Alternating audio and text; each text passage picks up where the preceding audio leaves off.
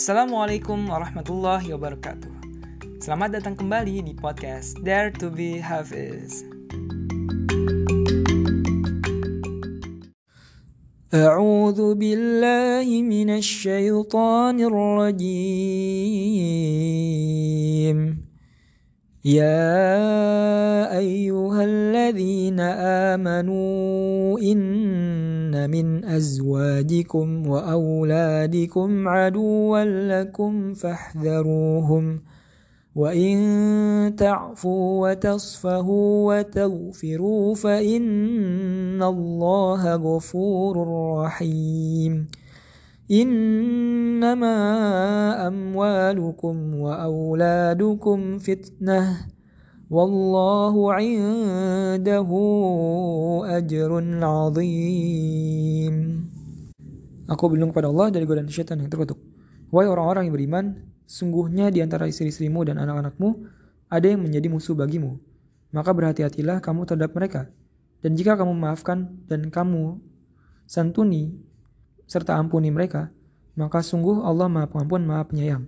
Sungguhnya hartamu dan anak-anakmu hanyalah cobaan bagimu, dan di sisi Allah pahala yang besar. YA yang ke-87 Quran Surat At-Tagobun ayat ke-14. Tapi dibaca ini tadi sampai ayat yang ke-15. Ya kan masih nyambung lagi sama pembahasan yang sebelumnya. Sebelum-sebelumnya, dua ayat yang sebelumnya. Di ayat yang sebelumnya.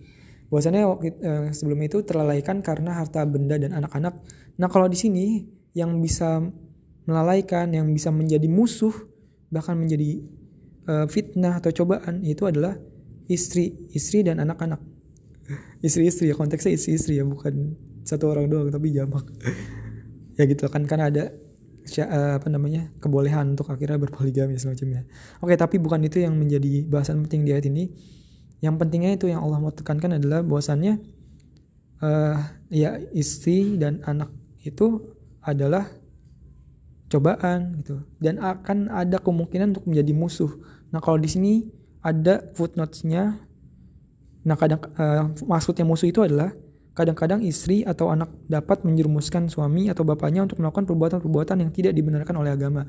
Ya mungkin kayak misalnya nih banyak yang sinetron-sinetron tuh yang kayak istrinya tuh nyuruh untuk akhirnya korupsi atau kayak gimana gitu.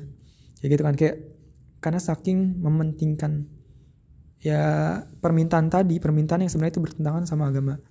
Nah, jangan sampai itu terjadi kayak uh, kecintaan kecintaannya tuh terlalu berlebih bahkan menjadi salah gitu. Karena nggak dilandasi oleh keimanan itu ini jadi menjadi apa ya? Menjadi wanti-wanti banget sih berarti kan dari Allah.